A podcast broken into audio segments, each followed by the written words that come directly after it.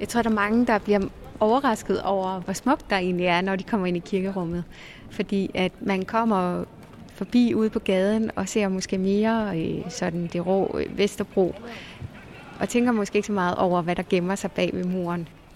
Men jeg synes, når man kommer ind, så, øh, så oplever man lige præcis, at der er højt til loftet, og at der er en skønhed omkring rummet, som i sig selv gør, at folk falder til ro og oplever en fred og et nærvær, som jeg tror mange mangler, når de går ud på gaden.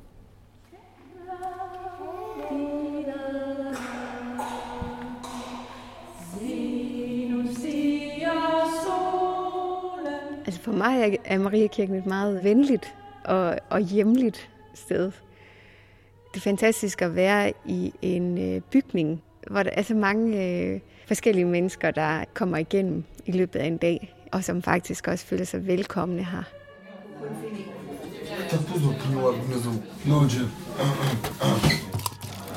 Coffee, Riccardi, one sugar, one no sugar. Koster det noget? Det koster to kroner. Thank you, mama. Thank you.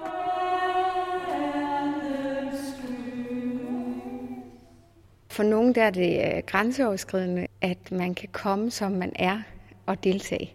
At ham der, han kan simpelthen ikke, øh, han skal da ikke med ind i kirken i dag, fordi at han er fuldstændig øh, fordrukken og har tisset i bukserne, og jeg ved ikke hvad. Der er det jo rigtig, rigtig fedt for os bare at kunne holde fast i, at øh, ej, det er lige præcis. Det er lige præcis her, at, øh, at vi også skal kunne være.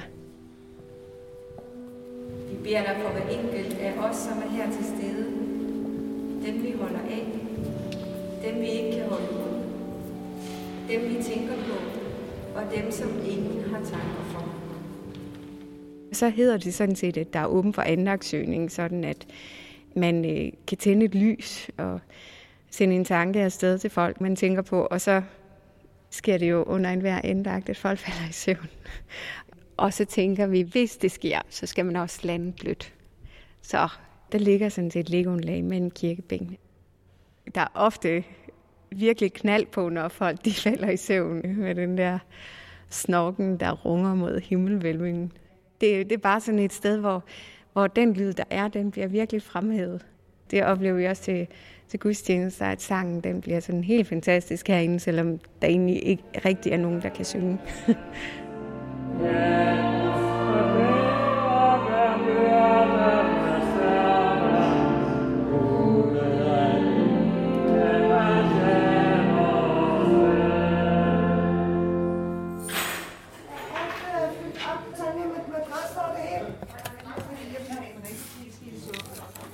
Maria Tinsen startede i 1974, fordi man så, at lokalområdet var ret råt ude på Vesterbro. Og for ligesom at være kirke for dem, der var i området, fandt man ud af, at man skulle lave et socialt tilbud, hvor at man fik hjælp fra kirkens kors her til at lave et værested, hvor folk kunne komme ind fra gaden og drikke en kop kaffe og få en samtale med nogle af de mennesker, der arbejdede her. Og det har sådan set kørt sådan siden. Jeg vil tro, rummet er hvad, 20 kvadratmeter, og der kan godt sidde 40 mennesker herinde. Nogle de kommer ind og er meget trætte og sætter sig i et hjørne og, øh, og tager et hvil. Og nogle de, øh, de kommer herind og er sådan lidt opkørte, enten fordi at de lige har fået nogle stoffer, eller fordi de har arbejdet en lang dag med at samle flasker og måske ikke er blevet behandlet så pænt. Så det er øh, de frivillige og medarbejdernes største opgave at fornemme, hvordan at man kan være til stede sammen med de mennesker, der kommer ind. Vi havde en, en mand herovre, der står i en radiator, som kom og bare satte sin stol og kiggede på den radiator en hel aften. Og det er ikke en særlig spændende radiator, den er lige så hvid som alle mulige andre. Men, men nogen har bare brug for at kigge ud i luften og bare få noget fred. Og når Maria-tjenesten lykkes, så, så får man ret til at stige på en radiator en hel aften, hvis man har brug for det. Ikke? Og så kommer vi kaffe i, og så kommer vi mælk i, og så rører vi rundt for dem. Så giver vi dem det, og så får vi to kroner. vi, vi giver kaffe, og vi giver lidt det brød, vi har. Men ellers er vores primære opgave jo det at snakke med dem. Det handler meget om, at man ser dem, nikker til dem og siger goddag. Har jeg gjort det på en ordentlig måde, jamen så er de så taknemmelige. One big café, mami. One uzuga. Bella, I love you. I love you too. Der kommer mennesker, som jeg måske har mødt en-to gange, så giver de mig bare hånden. Nej, nej, goddag. Og det er ikke fordi, de har gjort noget for dem, men fordi at jeg var der sidst og hilste rigtig pænt på dem. Brød. Ja, to. Brød, ja. to, ja. ja. Lapse, det er mælk på romansk. Og så siger jeg... Det er jo svært at snakke med alle de østeuropæere, der kommer.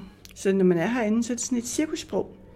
Det er sådan øh, lidt på dansk, og et par ord på tysk, og lidt engelsk, og lidt fingersprog. Og så siger man goddag på romansk. Meget alsidigt.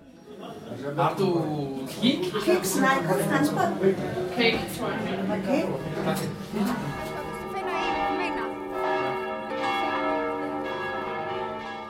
Altså, det er jo helt særligt, når, at, øh, når der er gudstjeneste her, synes jeg, at folk bruger kirken som om den er deres. Vi havde her for tre uger siden en af de rumænske kvinder fra gaden, som havde fået en lille søn. Og selvfølgelig skulle det her barn døbes, og vi havde ingen papirer på det eller noget som helst. Og jeg, jeg tænkte, papirerne og sådan noget, det måtte komme i anden række, fordi at moren hun ønskede, at barnet skulle døbes. Og så havde vi sådan en barnedåb med hende moren, og bedstemoren var her, og så det lille barn. Og så opleve bagefter, hvordan at, at den her meget broede menighed alligevel tog imod det her barn. Der var en af de grønlandske kvinder, der kom op og, og tømte sine lommer for, hvad hun havde af lommeuld og småpenge, og hvad ved jeg, som moren hun skulle have med sig. Og også en af de afrikanske prostituerede, der var oppe og, og sige pænt tillykke og folk, som ellers ikke mødes. Men, men her i kirken, det var noget, de kunne være sammen om, det her nye lille medlem.